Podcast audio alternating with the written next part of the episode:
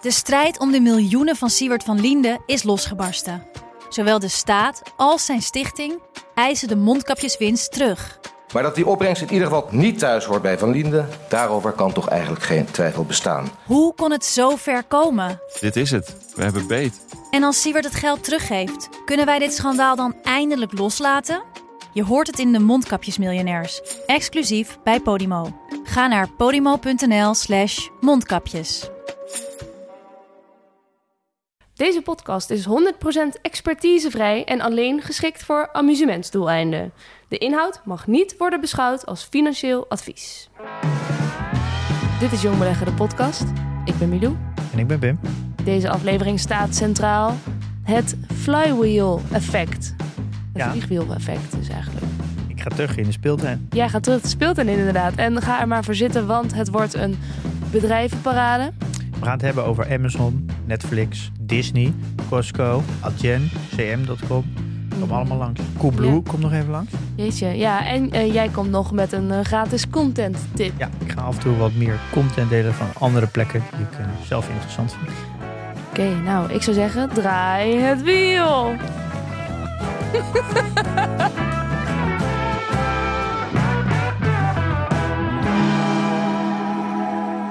beginnen deze aflevering met de statistieken. Pim, wat zijn de statistieken? Ja, nou, één keer in zoveel tijd eh, verzamel ik alles.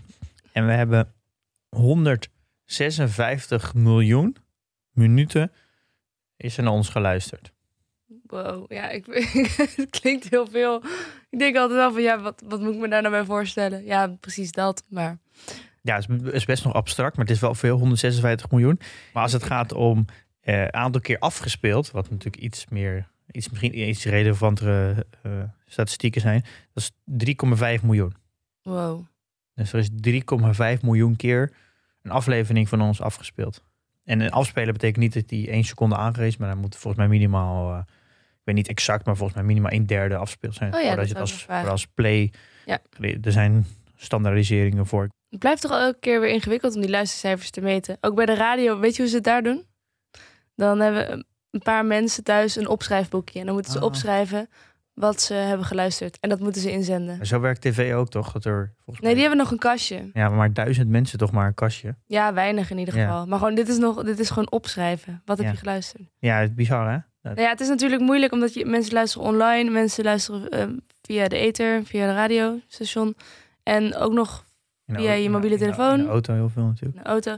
Dus dat is ook moeilijk Ja, maar ja, in ieder geval, eh, d- officieel, via de officiële metingen, 3,5 miljoen keer. Dat is wel echt heel veel. Ja, en jij bent genomineerd als eh, podcaster in de podcast top 50. Meest invloedrijke podcast. Zo'n onzin. Ja, het- Ja, jongens. ja, ik kom uit, een beetje uit de designwereld. Daar had je ook altijd... eh, elke industrie heeft zo'n beetje zijn eigen awards en zo. Dat is ook een beetje om zo'n industrie te ophemelen en af en toe je zin met het zonnetje te zetten. Nou ja, je eigen Ja. feestje vieren. Dat ja, wel. dat is wel een, in, de designwereld heb je dat ook heel veel. Dat je allemaal van die awards hebt. En dan kan dan hele LinkedIn vol komen te staan met... Ik heb deze award gewonnen. Dat heb je dus nu ook sinds kort in de podcastwereld. Ja, Dus ik, we ben, worden eh, volwassen. dus ik ben genomineerd voor Ja. eh, podcastmaker van het jaar. Yes. Wat gaan we doen? We gaan het hebben over het vliegwiel-effect. Het flywheel-effect. Ja, wat is dat eigenlijk, Camilo? Nou, daar kan ik me wel wat bij voorstellen. Dat is natuurlijk een bekende term.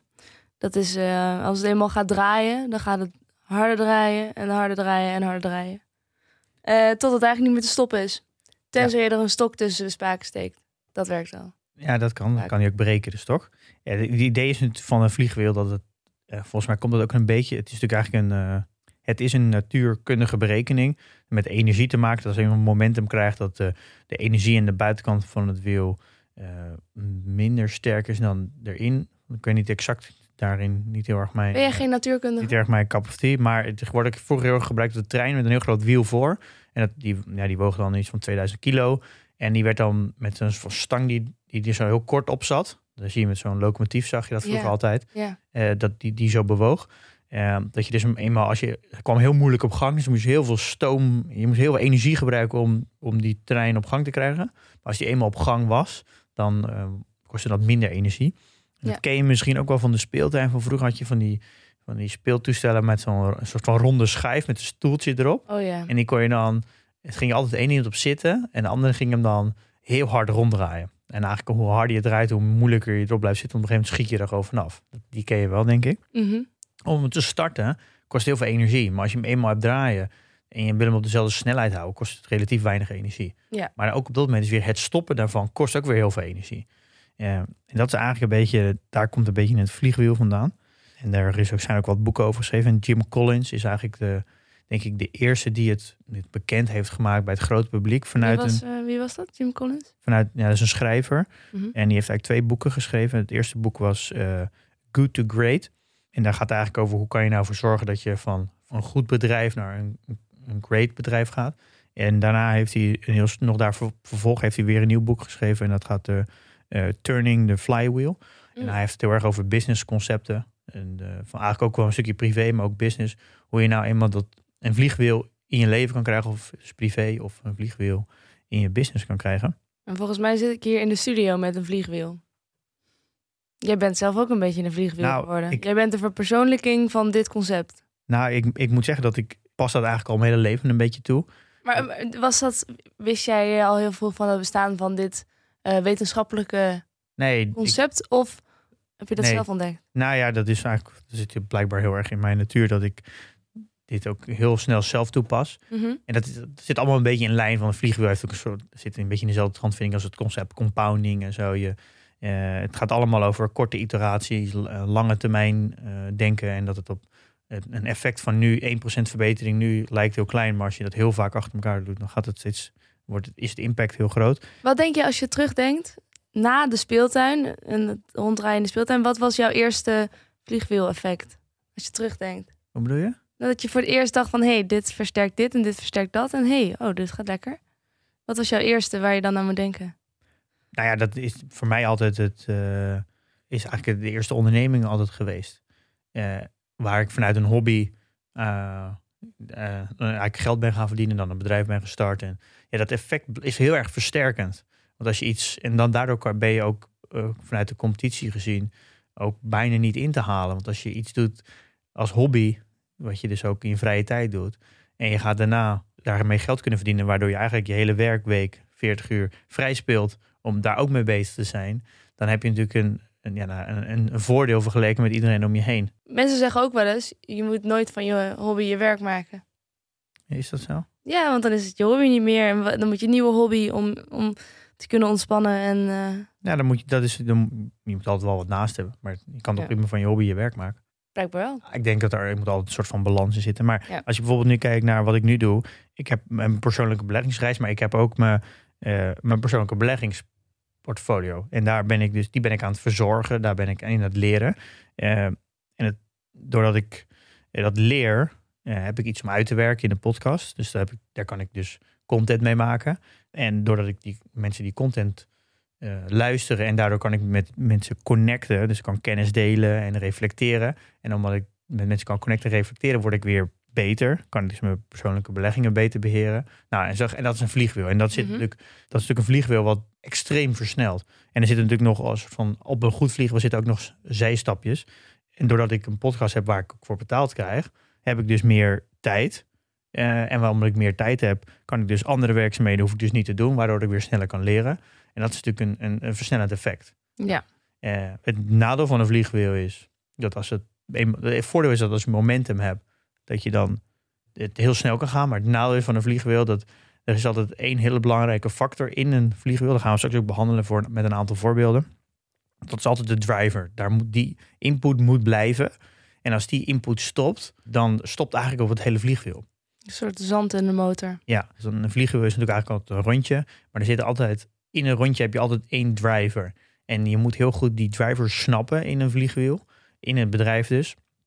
En het management moet dat ook heel goed snappen. En alle, eigenlijk alles wat het management doet, hoe ze communiceren, hoe ze de cultuur inrichten, hoe ze het bedrijf inrichten, moet allemaal gericht zijn op dat ene stukje in dat vliegwiel. Want als je dat bewaakt, dan kan je eigenlijk oneindig doorgaan. En je moet dus heel erg goed snappen waar zit dat dan in een bedrijf.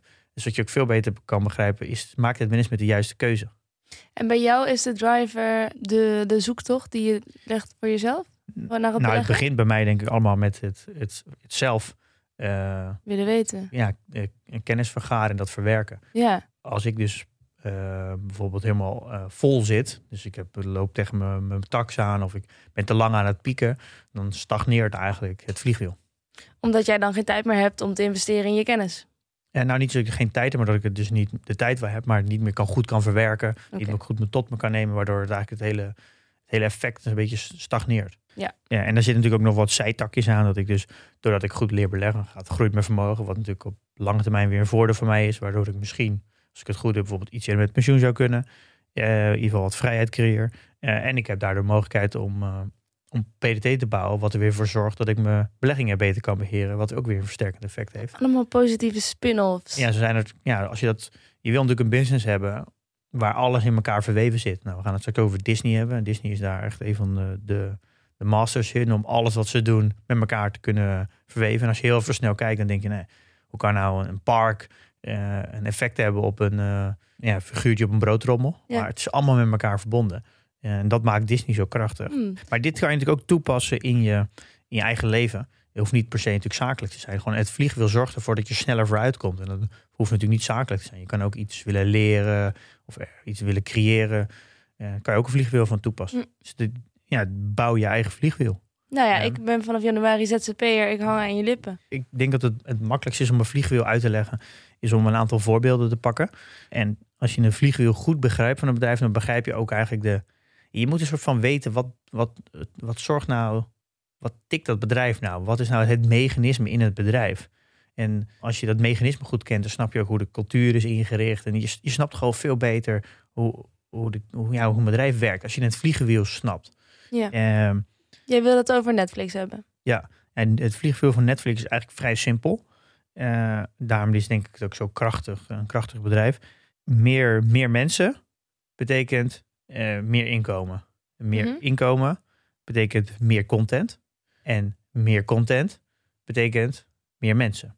En meer mensen betekent meer inkomsten. En dat, en dat Ja. is het vliegwiel. Ja, oké, maar dit is wel, dit is wel heel, heel erg logisch. Heeft dan niet elk bedrijf een vliegwiel? Nou, nou, dan vraag ik aan jou, bedenk maar het vliegwiel van Unilever. Of van Botte Kleurs of van Shell. Nou, als Unilever meer producten verkoopt, hebben ze weer meer, meer geld om nieuwe producten te maken. Ja, maar de Unilever maakt niet heel veel nieuwe producten. Die hebben maar een aantal merken en daar blijft het bij. Oké, maar meer producten dan? Gewoon eh, als in meer pindakaas. Ja, maar je hoeft niet meer. eh betekent als je meer pindakaas kan maken, betekent niet dat je er meer verkoopt. Nee. Zit er niet in heel veel bedrijven echt een goed vliegwiel. Gewoon, het moet natuurlijk wel draaien. Het moet draaien, maar het betekent niet dat het elke keer makkelijker wordt om nog meer te versnellen. Nee, en heel veel bedrijven leunen ook heel erg op het, het, het beschermen van hun, hun positie. Dus bijvoorbeeld Unilever die beschermt natuurlijk de, de positie in de schappen, eh, beschermt hun merknamen die ze hebben. Bijvoorbeeld een Ben Jerry's of een, eh een eh, Calvé en zo. die beschermen natuurlijk hun merknamen. Mhm. Dat doen ze vooral door, door gewoon veel marketing uit te geven. En, eh, en concurrenten op te kopen. En gewoon goede onderhandelingen te doen. Als, als concern met een, bijvoorbeeld een Albert Heijn. Ja. Dus niet eh, alleen individueel handelen met een eh Ariel en een Calvé. Maar gewoon zeggen wij zijn één concern. En wij willen voor alle producten die we hebben een goede positie. Maar dat is niet echt een, echt een vliegwiel. Nee, oké. Oké, ja. En Netflix heeft dat dus wel. Daarom kan je ook veel beter, als je dat heel goed begrijpt, dat dat het mechanisme is, dan kan je het ook veel beter afzetten tegen straks een Disney, waar we straks op komen, of tegen alle andere concurrenten. Die kan je je ook heel erg afvragen. Iedereen heeft bijna Netflix. Waarom heb je Netflix nog nooit opgezegd? En ik denk daar best wel vaak over na. Ik heb twee abonnementen, Spotify en Netflix, en die zeg ik nooit op. En dan denk ik dus over, nou, waarom doe ik dat dus niet? Ik heb geen Netflix trouwens. Nou, dan ben je dus best wel een uitzondering, denk ik. Ja, Ehm, ik voel me ook altijd een beetje buitengesloten. nou, er is bijvoorbeeld nu in de nieuwe Squad Games. Is wel een nieuwe serie. Oh ja, daar heb ik over gelezen. Die Zuid-Koreaanse Ja, serie. volgens mij meer dan 100 miljoen keer bekeken. Dus dat is ongeveer 50% van alle eh, Netflix-accounts hebben dat bekeken. Maar daar zit ook een soort vliegwiel-effect in. Want als een paar mensen het kijken, dan is het opeens top 1 in de Nederlands. Ja, maar De dat geen, dat is geen vliegwiel. Hè? Dat is gewoon viral. Dat is iets anders. Oké. Eh, maar Netflix pleit het toch altijd weer voor elkaar om weer nieuwe content te maken. Waardoor je weer denkt, hé, hey, ik ga toch niet opzeggen. Of er komt net weer een nieuw seizoen van de eh, serie die je al in, eerder hebt gekeken. Dus dat betekent meer content constant. Ja. En zolang ze dat blijven doen, eh, dus meer content kunnen blijven maken, gaan er meer mensen komen. En als er meer mensen komt, er meer geld, kunnen ze meer content. En als ze een van die drie dingen gaan doorbreken, dus bijvoorbeeld heel veel geld eh, gaan uitkeren aan een aan overnames of aan nieuwe activiteiten of aan aandeelhouders in de vorm van dividend, dan kan je dit dus dit vliegmail Ja. eh, blokkeren. En dat kan dan ook gelijk de ondergang zijn van, Ja. van Netflix. Vliegmail is zo simpel, maar je ziet wel dat alles wat ze doen in het vliegveld zit. Ze zijn in de hele wereld, in elk land een eigen studio aan het opzetten.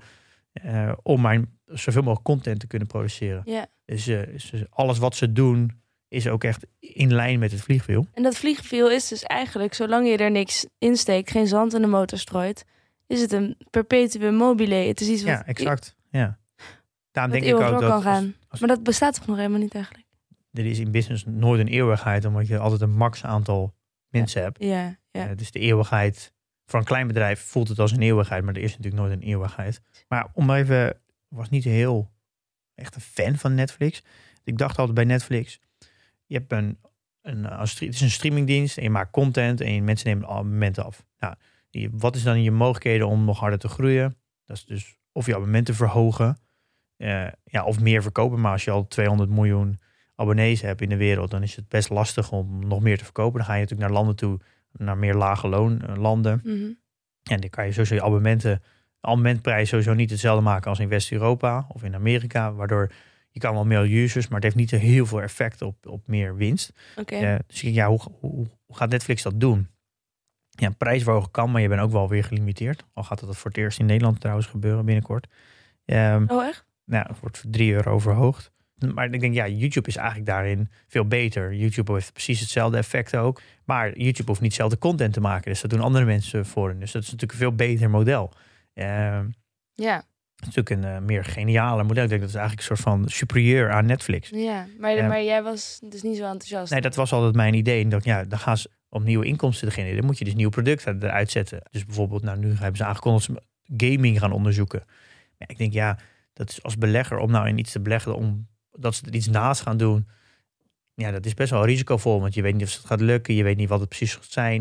Het gaat natuurlijk nooit zo winstgevend zijn als, eh, als wat ze nu al hebben. Het is wezenlijk anders ook dan wat ja, het is gewoon doen. een nieuw bedrijf. En Ja. het draagt ook niet bij aan het vliegwiel. Maar ik ja, was dus aan Netflix beter aan het onderzoeken hoe dat vliegwiel werkt.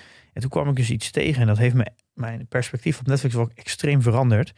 Ehm, want ik zeg een van de manier niet op. Maar ik merk ook wel dat nu ook door GameSquad... dat Netflix heeft een extreem groot effect op de wereld.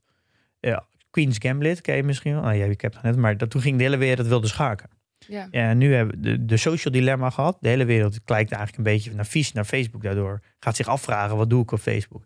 Nou ja, we hebben Sea Conspiracy gehad. Nou, we zijn, Netflix bepaalt eigenlijk het gesprek in een land eigenlijk. Waar gaat het dat moment over en wat vinden wij op dat moment belangrijk? Dus En- agenda bepalend. Ja, en ja, we, we hebben de Crown ook gehad. Dus hoe mensen gaan nu anders naar een koninklijk huis kijken. En we hebben nu een Game Squad. En er zijn wel leuke statistieken dat bijvoorbeeld eh, de fans die ze daar allemaal dragen, zijn ongeveer bijna 8000% in sales gestegen.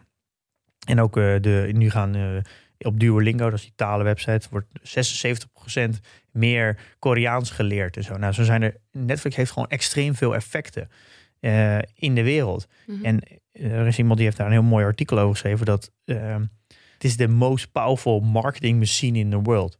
Netflix. Netflix. En- Meer power, powerful dan Facebook. Eh, ja, omdat het eh, bij, bij Netflix kan je soms gewoon urenlang naar iets kijken, wat eigenlijk gewoon marketing is. En dat is iets wat ik me nu pas realiseer. Eh, Netflix heeft er. Mensen kijken naar Netflix zonder weerstand. En, eh, maar worden eigenlijk wel beïnvloed. Ja, En dat- bij YouTube heb je wel weerstand als je inderdaad eerst een advertentie Ja, krijgt. je voor weet dat het een advertentie is. En bij Netflix heb je dat eigenlijk geen. Dan weet je dat eigenlijk niet. Eh, dus het is een soort van. de, Ultieme product placement. Ja, het, is een, het heeft extreem veel aandacht. Mensen zijn onwijs loyaal.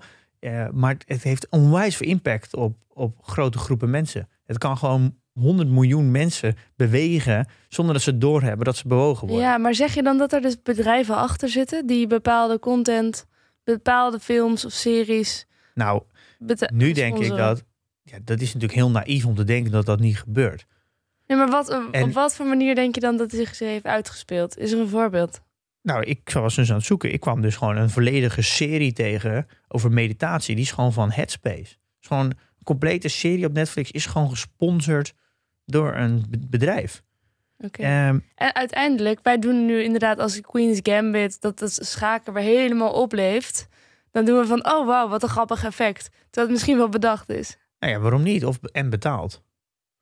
Eh, al geloof ik dat bij schaken misschien niet. Maar ja, ik ben wel, ik ben wel zo dat ik niet naïef wil zijn. Schakers zijn heel strategisch. Eh, dat is waar. dat is waar. Denk ervoor uit. Eh, maar als ik dus vanuit dat perspectief naar Netflix kan kijken, dat dus ze zeggen content marketeers en gewoon überhaupt marketeers. Uiteindelijk wordt elk bedrijf een soort van marketingbedrijf. Dus je ziet ook eh, alle grote bedrijven nu zijn die leunen gewoon allemaal op marketing. Of het nou Bob.com is, Coolblue, gaan we het zo over hebben. Zelfs Albert Heijn, die gaat nu online eh, boodschappen, gaan ze geld verdienen door advertenties te verkopen. Daar kom ik ook nog even op. Hmm. Eh, Amazon, de grote webshop, is gewoon een advertentiebedrijf. Ze verdienen bijna niks op, op de spullen die ze verkopen, maar ze verdienen op de advertenties. Google, advertentie, Google, advertentie. Uiteindelijk is het alle grote bedrijven die op het internet worden een advertentiebedrijf. Het is wel heel naïef om te denken dat Netflix dit niet gaat doen. Ik denk dat over een aantal jaren dat het zomaar zou kunnen dat Netflix een heel groot gedeelte van hun omzet gaat halen uit advertenties of gesponsorde content of iets in het hand. En ik denk dat ze, dat ze dit nooit zullen gaan echt duidelijk zullen benoemen eh, in een jaarrekening. Want Mhm. ik denk dat heel veel mensen heel sceptisch worden. En dan over- gaat het niet meer werken. Dan krijg je wel weerstand. Nou, ik denk wel dat dit gaat een moment komen. Dat, kun ik, dat durf ik te zeggen. Er gaat een moment komen dat er een soort van al, algeheel sentiment komt over Netflix. Dat iedereen heel teleurgesteld is. En dat er een soort van komt, net als bij toen we tijd allemaal Facebook-account moeten opzeggen. Gaat er een tijd komen dat we allemaal Netflix-account moeten opzetten. Omdat ze een keer de randjes hebben opgezocht. En iets ja, hebben en dat de reclamecommissie zich erover gaat buigen. En dat je opeens overal sponsort, sponsort in beeld krijgt. Dat gaat gebeuren. Eh, bijvoorbeeld Visa bij de, de documentaire van eh, eh, Handel met Voorkennis van VPRO. Daar was ook, werd ook genoemd dat Visa dus al een data eigenlijk verkoopt aan die partijen. Dat ze dus kunnen handelen op ja, wat zijn er afgelopen kwartaal voor grote transacties gedaan. En kunnen zien, hé, er zijn meer transacties gedaan Ja. naar Netflix of naar McDonald's toe. En dan kunnen ze voors- beter voorspellen wat de kwartaalcijfers van McDonald's gaan zijn. Mhm. Eh, dat is volgens mij best wel een groot gedeelte van de omzet ondertussen van Visa. Maar ze benoemen dat in hun jaarrekening altijd nog als van ehm, overige inkomsten. Dus ze, ze durven het niet te benoemen. En dat denk ik dat Netflix dit ook op die manier zo gaat verbergen. En op welke manier eh, draagt het bij aan het vliegwiel van Netflix? Nou, we hebben net gehad over eh, meer mensen is meer geld. En meer geld is meer content. En dat is weer meer mensen. Een goed vliegwiel heeft altijd een soort van nog een, een rand erbuiten. Die, doordat het vliegwiel draait, een, een soort van nieuw eh, wieletje erbij. Een tandwiel wat hij ook dat aandraait. hij er ook aandraait. En dit is natuurlijk, ja, meer mensen betekent dus niet alleen meer geld van, maar ook meer kijkers, waardoor je je, je gesponsorde content of je dingen ook weer voor meer kan verkopen. Wat weer meer geld betekent, waardoor je weer meer content kan maken. Eh, en dit heeft wel, een, als je vanuit het perspectief kijkt, dat Netflix 200 miljoen abonnees heeft, die allemaal betalen. En zij kunnen, Netflix kan dus daarin heel veel gesponsorde content zou kunnen maken. Kan natuurlijk heel subtiel zijn. Maar net als een James Bond film, die wordt van grote gedeelte gewoon gefund. Die wordt in een bepaald land gebaan. Ja. En dat land betaalt gewoon zodat James Bond dat, daar die film komt opnemen. Ja. En nou, je ziet daar Aston Martin in, je ziet daar Heineken in. eh, nou, alles is bijna gesponsord in James Bond. Die hele film is een soort van al break-even, moment dat ze beginnen. Ja, het is toch niet gek dat, dat Netflix dit ook met alles gaat doen? En dan zie je in één keer wel een heel ander verdienmodel in, eh, in eh, Netflix.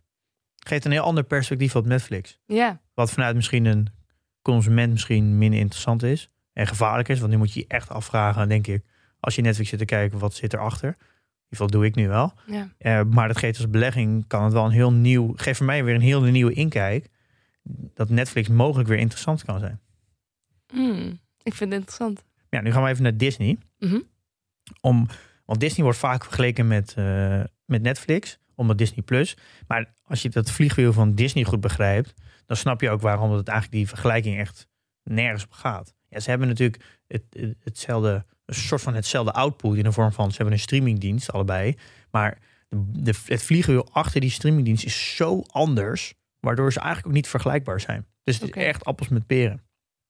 Waarom is het zo anders? Eh, nou, Netflix hebben net gezegd, meer mensen is meer geld. Meer geld is gewoon meer content. Ja. Nou, dat, dus die zullen, als je het vliegwiel begrijpt, dan zullen ze alles aan doen om meer content te maken. Nou, Disney die heeft een compleet ander vliegwiel. Daar zit het, ja, je zou eigenlijk die foto's moeten kijken. Het is ook fantastisch dat het vliegwiel is in 1957 gedesigned door eh, meneer Walter. Meneer, Walt. Walt, ja. Door, door hemzelf. En het is een oude tekening, maar dat is, daar, dat is natuurlijk nu veel groter. Maar hij is dus juist daarom juist heel erg mooi. Ja, het ziet er ook niet uit als een wiel, moet ik zeggen. Nee, maar het is natuurlijk, het effect is het natuurlijk hetzelfde. Ja. Eh, Allemaal pijlen. het zijn eigenlijk allemaal kleine wieltjes die aan elkaar zitten. Ja. Het, het, het, het creatieve hart, dat is de, de, de studio. Dus eigenlijk de, ja, het creatieve centrum eigenlijk. En als ze een, een film maken, dan moet daar een complete wereld opeen zitten. Ze moeten ervoor zorgen dat, er, dat daar goede muziek in te maken is. Dat, er, dat is ook een onderdeel, de, dat het op tv is uit te brengen in een serie. Het moet een eh, merchandising hebben. Het moet gelicenseerd kunnen worden. Dat er dat allemaal partijen daar tandpasta van kunnen maken. Broodtrommels, nou je bedenkt het allemaal. Mhm. Het moet een onderdeel kunnen zijn in het Disneypark. Eh er moeten strips van gemaakt kunnen worden. En publicaties en magazines. Nou, je ziet dat hele vliegtuig. Je zou eigenlijk de afbeelding even moeten kijken. Maar daardoor begrijp je ook beter.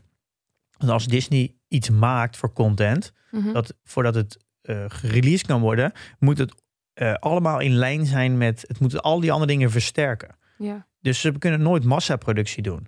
Ze moeten dus, ze hebben dus een extreme hoge drempel, extreme hoge complexiteit om content te maken. Daardoor zullen ze dus nooit extreem veel content maken. Nou, als je een Netflix vliegwiel is heel veel content. En dat is die van, Netflix, van Disney dus niet. Dus eh, het, de, het uiteindelijke product die ze gaan maken in de streamingdienst zal ook daardoor allebei compleet anders zijn. Dus ehm, het is voor hen lastig om een nieuwe Donald Duck te bedenken, bedoel je? Ja, dat is heel lastig. Een nieuwe Pluto. En, Ja, maar ze, het is wel als ze dat want daar moet een hele merchandise omheen. Dat moet helemaal bekend worden voordat mensen ook echt een broodtrommeltje willen hebben natuurlijk van Ja. een nieuw wezen. Grappig is ook dat als je de, de boek leest, eh, heb ik al eerder getipt, Creativity Inc. van Pixar. Eh, dus Pixar is overgenomen door, eh, door Disney. Daar wordt ook in verteld dat ze de complexiteit van een film maken heel, veel groter is. Omdat namelijk het karakter ook op een broodtrommel moet kunnen. Op, of een tandpasta, het moet heel likable zijn. Het- Dus Ja. de uitdagingen. Het is wel een paar keer gelukt dan, hè? Met ehm, Monsters en Co. Het is, ja, En de Minions. maar de complexiteit ligt zoveel Ja. hoger. Je kan, Netflix kan zomaar even een film maken. Precies, maar- ja, precies. Maar het is dus niet onmogelijk, maar het kost heel veel meer moeite. Ja. Ja, want je moet in veel meer factoren rekening houden. Ja. Eh, en je kan ook niet zomaar even een, wat Netflix wel kunnen, die kan zomaar even zo'n squad game. Ja, dat, dat, dat hebben ze gewoon even gemaakt om te testen. Het is een gigantische hit, dat ze ook niet kunnen voorspellen. Netflix is gewoon spaghetti, gooi op de muur. En kijk wat er blijft plakken. Ja, dus zo werkt het model. Dat werkt niet bij, dat kan niet bij Disney. Oké. Ja, dat, dat is dus fascinerend als je vanuit dat, dit perspectief een bedrijf bekijkt. Dan snap je dus ook, als je dit vliegwiel bekijkt, dan is eigenlijk de, het allerbelangrijkste in Disney is die creatieve studio.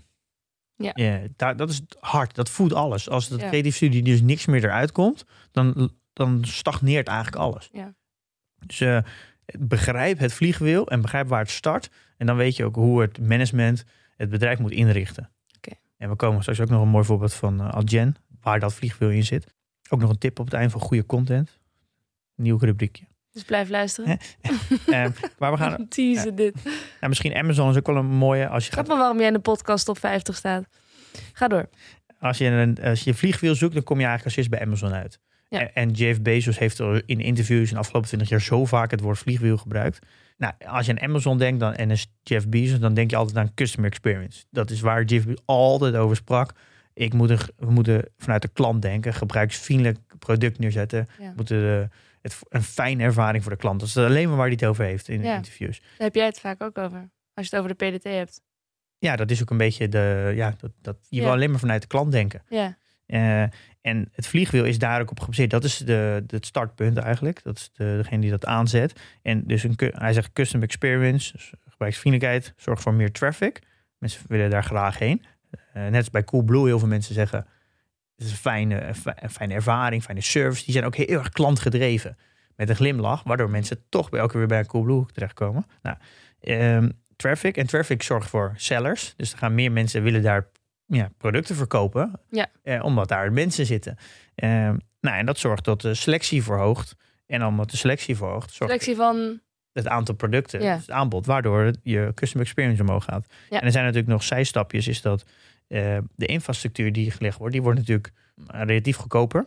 En dat Mhm. zorgt dus voor ja, lagere kosten. Die kosten kan je weer teruggeven aan de klant, waardoor de customer experience omhoog gaat.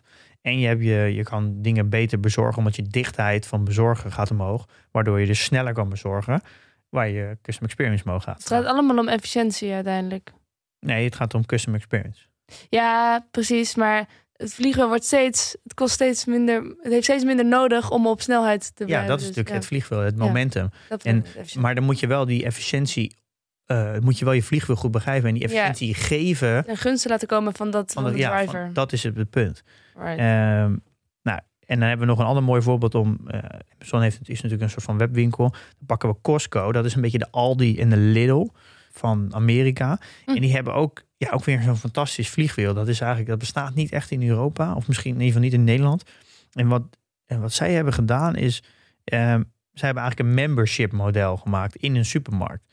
Eh, dus wat zij hebben gedaan is een ehm, meer memberships. Betekent dat er meer sales is. Hoe, hoe- kun je lid zijn van een supermarkt? Ja, en net als dat je 60 euro per jaar voor PDT betaalt, betaal je 60 euro voor Costco. Oké, ja. Anders mag je niet naar binnen. Oké, dus het is niet zoiets als een gratis bonuskaart gewoon. Het is daadwerkelijk, je, je betaalt om Je lid te zijn. betaalt, anders mag je niet naar binnen. Nou, eh, membership kost 60 euro. Eh, 60 dollar trouwens. Eh, en dat zorgt ervoor meer sales, want je hebt daar je abonnement. Ja. En dat zorgt ervoor dat je eh, dat ze, omdat er meer grote aantallen kunnen kopen, hebben ze een soort van meer leverage. En daardoor kunnen ze de goedkoper inkopen. En wat ze eigenlijk zeggen, alles wat we goedkoper inkopen, 90% van eh, de winsten die we daarbij behalen, gaan we eh, de prijzen verlagen.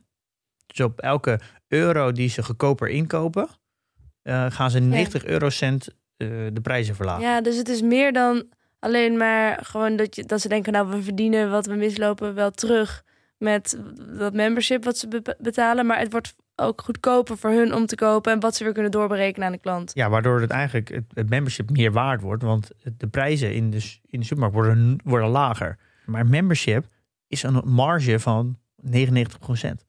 Ja, daar heb je geen, hoef je geen kosten voor te maken. Je hoeft alleen maar een membership te verkopen. Ja. Dus als je dus elk jaar je memberships kan verhogen, groei je dus elk jaar in omzet. Ja. En blijft dat vliegwiel maar draaien. En dit is, daardoor zijn, eh, zijn ze zoveel beter dan concurrenten, zoveel goedkoper dan concurrenten. En in de supermarktwereld gaat het gewoon om goedkoopste prijzen.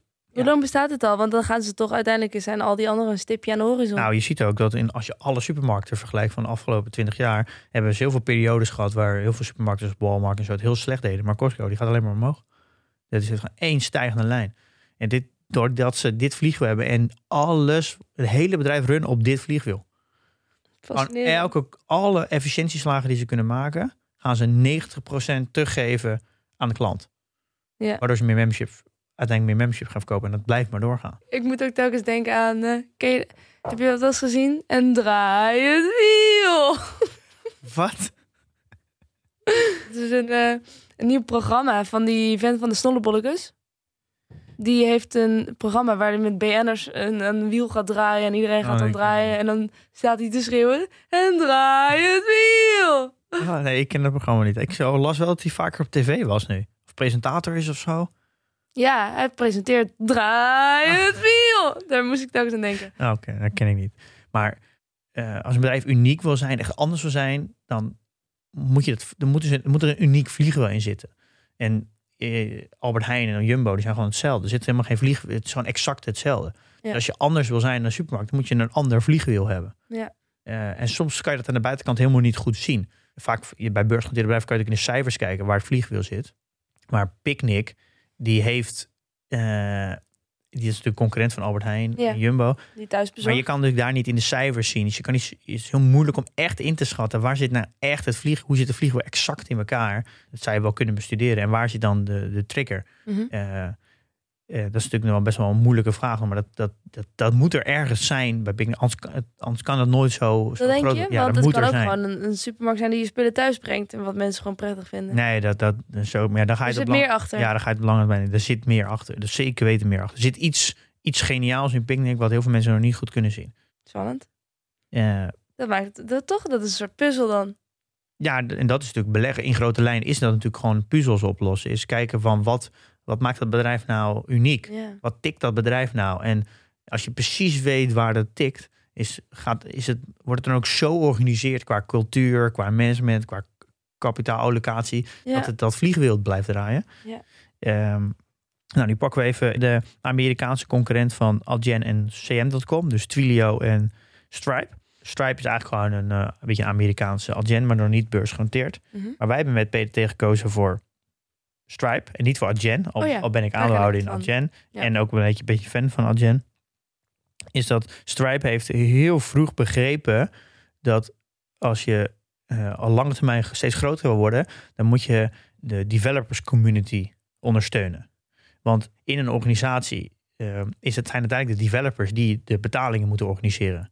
Bijvoorbeeld in een app als Picnic, daar zijn, zitten gewoon developers achter die ontwikkelen die app. Ja, dat En- kan eh, die MIP van HR, die kan dat niet. Nee, dus die developers die bepalen wat voor betalingssysteem er geïntegreerd wordt. Ja. Dus als je, als je een, een ecosysteem kan creëren om jouw bedrijf heen, waardoor developers het fijn vinden om met jouw product te werken, gaan ze waarschijnlijk voor jouw betaalsysteem kiezen, omdat het namelijk minder weerstand is en het makkelijker maakt voor developers. Ja, En nou, als je dus meer developers kan aantrekken, gaan ze meer jouw product implementeren. Als je meer jouw product implementeert, gaan ze meer, meer transacties via jouw platform. Nou, meer Ja. transacties via jouw platform betekent dat je beter fraudedetectie kan doen. Nou, zo gaat het maar door. ja, Dus zij snappen heel goed dat het, het vliegwiel van die hele business is de developers community. Ja. Maar je snapt wel dat hetzelfde vliegwiel werkt natuurlijk ook bij Algen.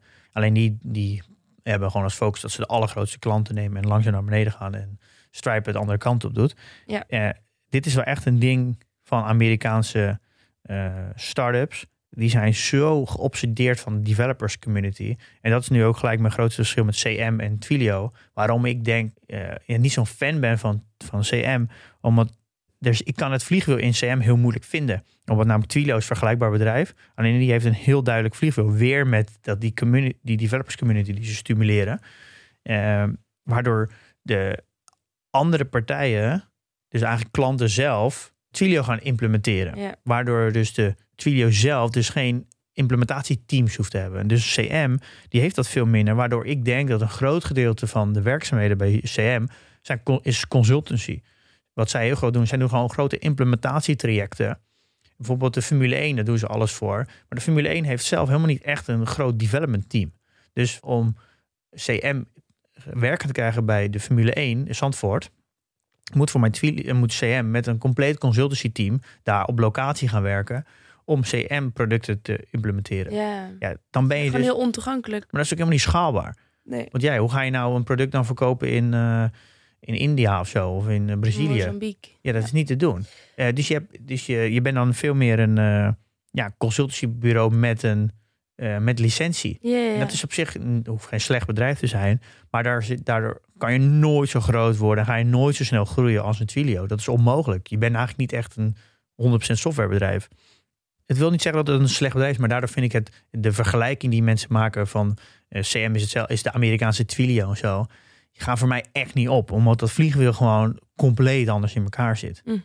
Of er denk ik niet echt een heel groot vliegwiel in zit in CM. Het is ook een reden waarom CM natuurlijk een extreem lagere waardering heeft dan alle grote concurrenten zoals een uh, Twilio. Omdat namelijk, het, ik denk, vind het echt een, in de, in de fundamenten een ander bedrijf, echt een ander bedrijf. Het, het verkoopt misschien dus het, nog steeds het, eh, communicatie in de vorm van sms'jes en zo, wat ze allebei doen. Net als dat Netflix en Disney ook allebei uiteindelijk content verkopen in de vorm van streaming. Maar dat het wel echt de achterkant heel anders is. Dat is ook wat Dennis natuurlijk zei bij uh, de, een van de afleveringen over fundamentele analyse. Dat echt vergelijkingen maken tussen bedrijven onderling zo moeilijk is. Dat het misschien wel lijkt dat Coca-Cola en Pepsi hetzelfde is. Maar eigenlijk echt heel anders zijn. En dat zie je hier ook. Dat als je echt het bedrijf studeert. Dan is elk bedrijf toch echt wel weer echt heel uniek. Dus dit is het, het vlijwiel. Uh, Interessant. Oh ja, misschien nog om nog één ding nog aan toe te voegen over Stripe en Adyen. We hadden heel erg over die developers community. Is dat developers implementeren betalingssystemen. Dat is echt een, dat is een belangrijke key om nu even te weten. Is dat uh, ingenieurs doen dat. Dat is die, die bepalen dat, want die zijn verantwoordelijk voor dat het goed loopt. En dat is een, een bedrijfskritisch onderdeel. Ja. Want als de betalingen stoppen, dan verdien je geen geld. Ja. Dus dat is echt de core. Daar zitten al je beste mensen op. Er zitten de A-players op. En er zitten de allerbeste ingenieurs op. Om dat te fixen en dat te bewaken. Er is een heel risicomanagement in. Met allemaal lagen van dat het nooit fout mag gaan. Ja. Dus dat is extreem belangrijk. Ja. Eh, want een dag geen inkomsten Is een dag niet geleefd. is, is echt... Is, dat, kan, dat kan echt miljoenen kosten. Dat Ja. is echt eh, een heel groot effect. En we gaan, ik ga dit keer een tip geven over content tip. Ik, ik luister heel veel nieuwe content en iemand had gestuurd van... kan je niet af en toe wat tips delen? Ik ga... De, nou, dat kan ik misschien gelijk nu wel doen. Oké. Um, er is nu een aflevering van uh, de Skill Lab. Dat is een, Nederlands, een Nederlandse podcast in het Engels... door een Amerikaan en Prins Constantijn. Die gaan eigenlijk de grotere Nederlandse technologiebedrijven interviewen. Wat het succes was en wat ze doen.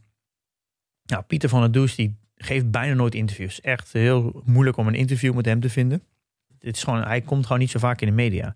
Ja, Wat leuk joh. Dus En- eh, onze Constantijn. ja, maar dit, hij geeft dus een heel mooi inzicht in hoe de wervingsstrategie werkt van het bedrijf. Nou, ze vindt, daar is nog steeds van de 1500 mensen die werken. is iedereen die is aangenomen, die heeft een gesprek gehad met management. Eh, hoe, ze, hoe ze omgaan met eh, ingenieurs in de organisatie. En Ja. daar heeft hij ook, hij zegt, elke beslissing die genomen wordt, is een ingenieur in de meeting aanwezig. En hij, als, je dan, als je dan deze podcast hoort, en ik heb ook nog twee andere eh, YouTube-video's ook bijgezet, ook over hem. Alles beredeneert hij naar een cultuur voor ingenieurs. Ja. En als je dat vliegwiel goed snapt van Adyen, dan snap je ook goed waarom hij constant praat naar dat ze een, een engineering cultuur moeten hebben. Want als we, als we een engineering cultuur hebben, gaan we de allerbeste producten maken voor ingenieurs. En ingenieurs bij grote bedrijven, dat zijn degene, de A-players, die weer producten afnemen van ons. Dus wij moeten een software blijven maken wat top-notch is voor A-players. Ja, daar moet je aandacht liggen. Ja. En- en- en- Een A-player ingenieur maakt graag iets voor een andere A-player ingenieur. En hij begrijpt dat zo in de kern goed, dat mechanisme. En daarom, als je dat goed begrijpt, zijn vliegwiel, dan snap je ook heel goed waarom al die interviews hij daar naartoe praat. Maar eh Stripe doet het dus beter. En Stripe heeft een andere eh, strategie, die gaat van beneden naar boven Ja. en Adyen van boven naar beneden. En ik ben met PDT sta gewoon onderaan. Dus Ja. ik pas gewoon beter in het ecosysteem van Stripe. Oké. Eh, maar Jitse Groen, die is heel groot. Die past veel beter in het ecosysteem Van Adyen. Daarom zegt Beter. eh Jitse Groen ook, Adyen is superieur aan Stripe. Oh, want ik snap ook wel dat als je een, een zo'n groot bedrijf en je hebt zoveel volumes, dat je veel beter met Adyen kan werken dan met Stripe. Maar als je een klein bedrijf bent, zoals wat wij zijn, ja, heb, je eigenlijk bij Adyen niks, zoek je maar gewoon te klein. Oké. Dus maar dat is een, eh, trouwens een hele interessante aflevering om te luisteren. Dat, dit maakt dus beleggen. Dit is voor mij wat beleggen leuk maakt. De verbanden leggen, puzzelstukjes, begrijpen hoe het bedrijf tikt, wat nou de, de motor is in een vliegwiel. En dan kijken hoe opereert het management, hoe praten ze, praten ze daar naartoe, klopt het geheel, is het een soort van puzzel die klopt. En hoe allokeren ze dan kapitaal om dat vliegwiel werkend te houden. Dat is, ja, dat is natuurlijk een heel interessant. Want dan heb je het idee dat je iets vindt in het bedrijf, wat je aan de buitenkant eigenlijk niet zo goed ziet. En dat mensen eigenlijk die het bedrijf runnen heel goed snappen. Ja, zijn er nog updates te geven over het portfolio dividend tracker, Pim? Ja, we hebben een tijdje geleden aangekondigd dat we live zijn gegaan. Nou, met een lijfgang. Je moet altijd, ik vind, je moet snel shippen. Heel iteratief, constant shippen. En daar zit, ja, shippen is een term, eh, dat is een, een term voor eh, iets live zetten, op productie gaan. Dus Mhm. iets live zetten, Oh, ja, dat noemen wij shippen. Ja. Maar daar, ik hou heel erg van eh, dingen snel shippen, waardoor er altijd foutjes in zitten. En, en als dan iemand een foutje heeft, laat ons weten, fixen we het gelijk weer. Dus er komt altijd na een lijfgang, altijd komen er ben je gewoon een hele grote update te doen met heel veel kleine foutjes eruit aan het halen. Dus je bent het product stabieler aan het maken. Nou, dat hebben we gedaan. Dat is een gigantische lange lijst geworden aan verbeteringen en aanpassingen. Daar wil ik eigenlijk een aantal uitpakken, die wel interessant zijn om te benoemen. We hebben corporate actions en eh ISIN wijzigingen doorgevoerd. Nou, de meeste mensen die Unilever hadden, die hadden denk ik wel gezien dat Unilever er twee keer in stond. Omdat Unilever van de, nu weg van de Nederlandse beurs. Nou, niet weg van de maar Nederland weg. Het is alleen nog maar een eh, Engelse notering. Dus de ISIN is gewijzigd. Nou, we hebben nu opgepakt dat we dat van alle ISIN-wijzigingen mee kunnen nemen. Fractionele aandelen, die hebben we nu ondersteund. Dus je kan dus niet alleen maar hele aandelen, dus 1, 2 en 3, maar je kan ook anderhalf en 0,75 aandeel doen. Er zijn natuurlijk een paar brokers in, eh, die in Nederland actief zijn die fractionele aandelen ondersteunen. Dus ondersteunen we nu ook. Eh, Ja. We hebben ondersteuning voor meerdere beurzen. We hebben nu Londen en Milaan nu ook. Nou, eh, dat is natuurlijk heel fijn, want die hadden we dus nog niet. Dus iemand die iets kocht in de beurs van Londen en Milaan, die data hadden we dus niet. Hebben we nu wel.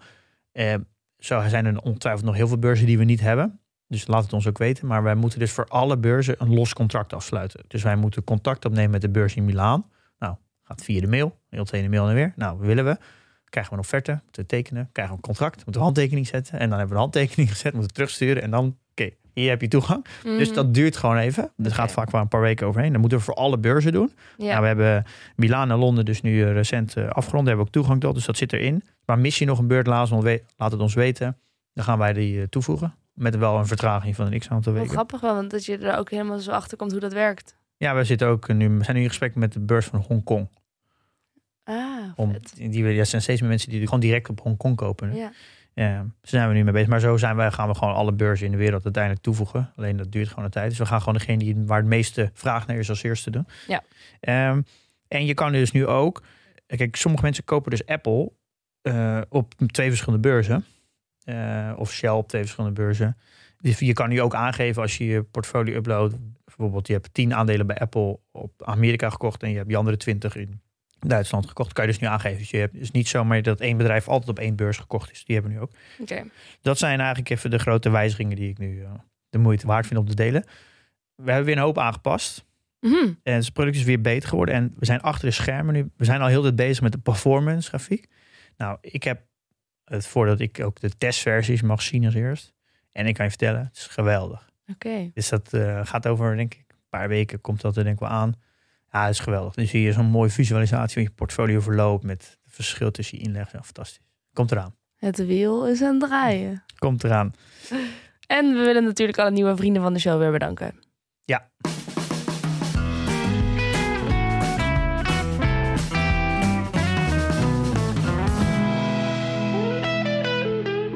Gaan we naar het nieuws.